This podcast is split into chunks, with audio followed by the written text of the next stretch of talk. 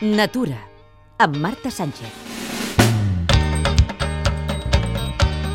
Des de Fontibre a Cantàbria i fins a Tarragona s'estén el camí natural de l'Ebre seguint el curs del riu. Són 1.200 quilòmetres dividits en 42 etapes que permeten travessar pràcticament tota la península i que des de fa un any i mig s'ha constituït en la ruta GR99.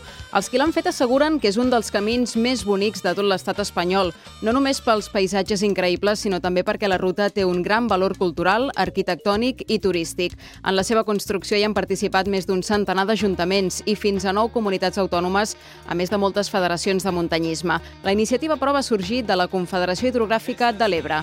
Javier San Román n'és el cap de qualitat. El que el camino vaya a veces por el bosque en medio de, de la vegetación, a veces se salga un poquitín y tengas la sensación de que estás en el desierto y, y luego vuelvas otra vez al bosque y todo eso salpicado de un montón de, de pueblos con su arquitectura, sus ermitas, sus puentes. Yo creo que también es a destacar, hay algunos puentes históricos realmente muy bonitos. Pues esto la verdad es que le da un encanto y una variedad al recorrido. Poblacions que a Catalunya tenen noms com Garcia, Miravet o Escó, a les quals l'Ebre dona unes característiques impossibles de trobar en altres punts del país.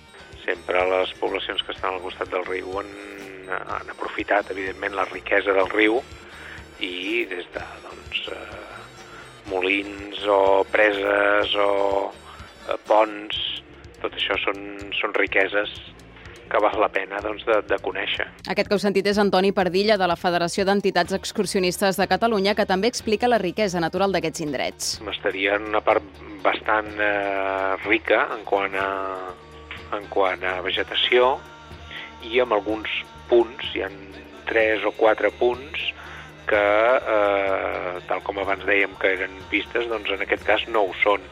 No són pistes, són camins, i per tant doncs, eh, passem fins i tot per alguns boscos i algun lloc doncs, més amb una vegetació més rica.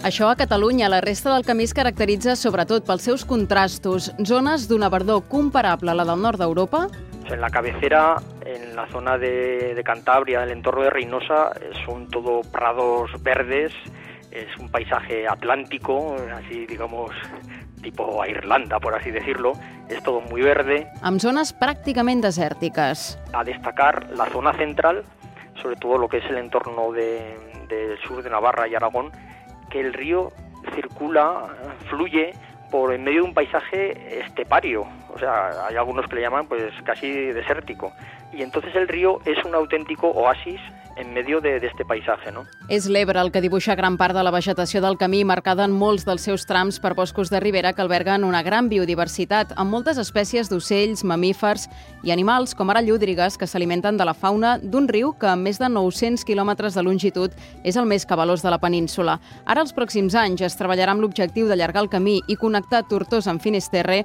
convertint el camí natural de l'Ebre en una ramificació del Camí de Santiago.